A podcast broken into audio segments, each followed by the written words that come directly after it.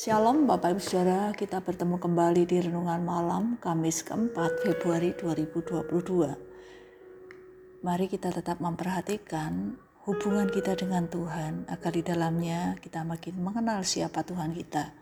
Dengan benar apa yang diajarkan untuk kita orang-orang percaya.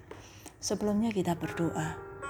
Bapa yang di surga kami bersyukur untuk kasih setia Tuhan penyertaan dan pertolongan Tuhan yang telah memampukan kami untuk melewati kehidupan sepanjang hari ini. Saat ini kami akan membaca dan merenungkan firman-Mu. Kami mohon roh kudus Tuhan membuat kami dapat memahami dengan benar apa yang Tuhan mau kami pahami dalam hidup kami. Berbicaralah ya Tuhan, kami siap untuk mendengar. Dalam nama Tuhan Yesus kami berdoa. Amin. Mari kita memperhatikan dari kitab Titus pasal 1 ayat 10 dan 11. Titus pasal 1 ayat 10 dan 11 demikian firman Tuhan. Karena sudah banyak orang hidup tidak tertib, terutama di antara mereka yang berpegang pada hukum sunat. Dengan omongan yang sia-sia mereka menyesatkan pikiran.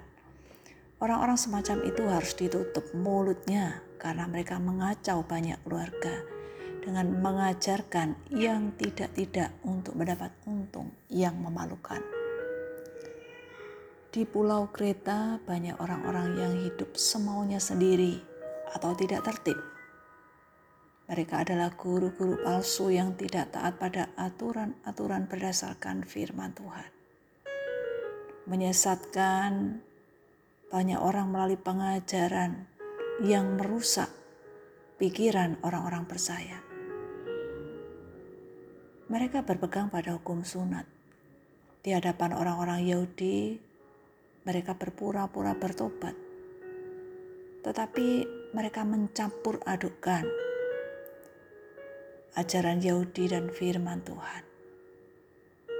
Paulus menyampaikan pada Titus,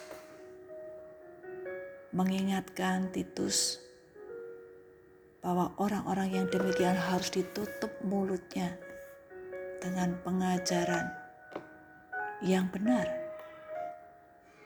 Tidak boleh diberi kesempatan untuk mengajar orang-orang percaya, karena hal itu telah menimbulkan kekacauan, menyesatkan banyak keluarga orang-orang percaya dengan tujuan untuk mendapatkan keuntungan yang memalukan, bukan menolong jemaat agar bertumbuh dalam imannya agar dewasa di dalam pemahaman terhadap kebenaran firman Tuhan.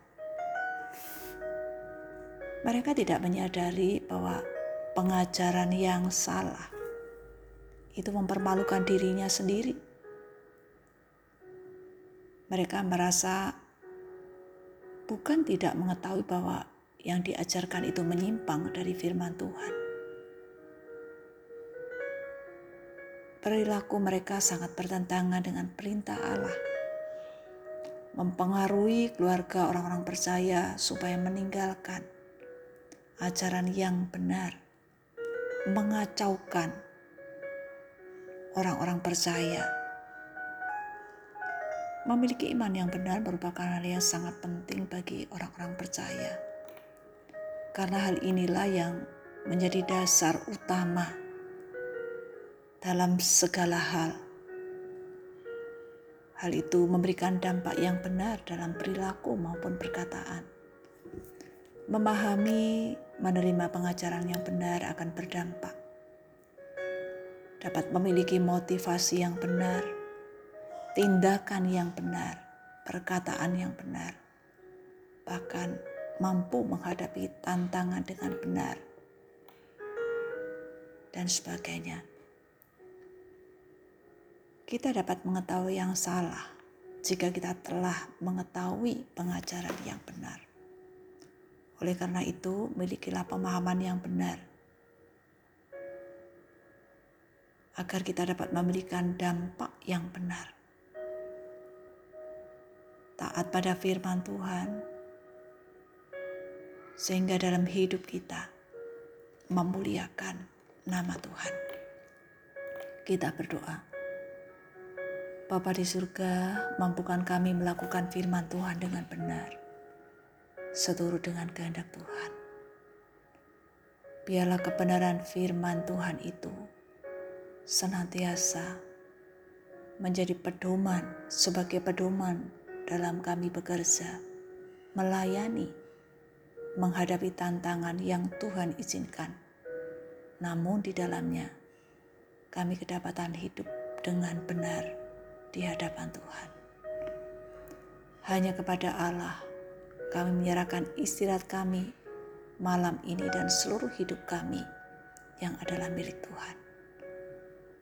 Dengan pertolongan Tuhan kami percaya bahwa kami dimampukan untuk menjalani hari esok sesuai dengan kehendak Tuhan.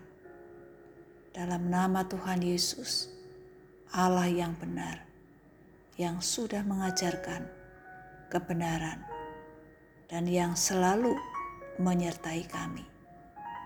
Amin. Bapak Ibu sekalian, selamat malam, selamat beristirahat. Tuhan Yesus memberkati. Amin.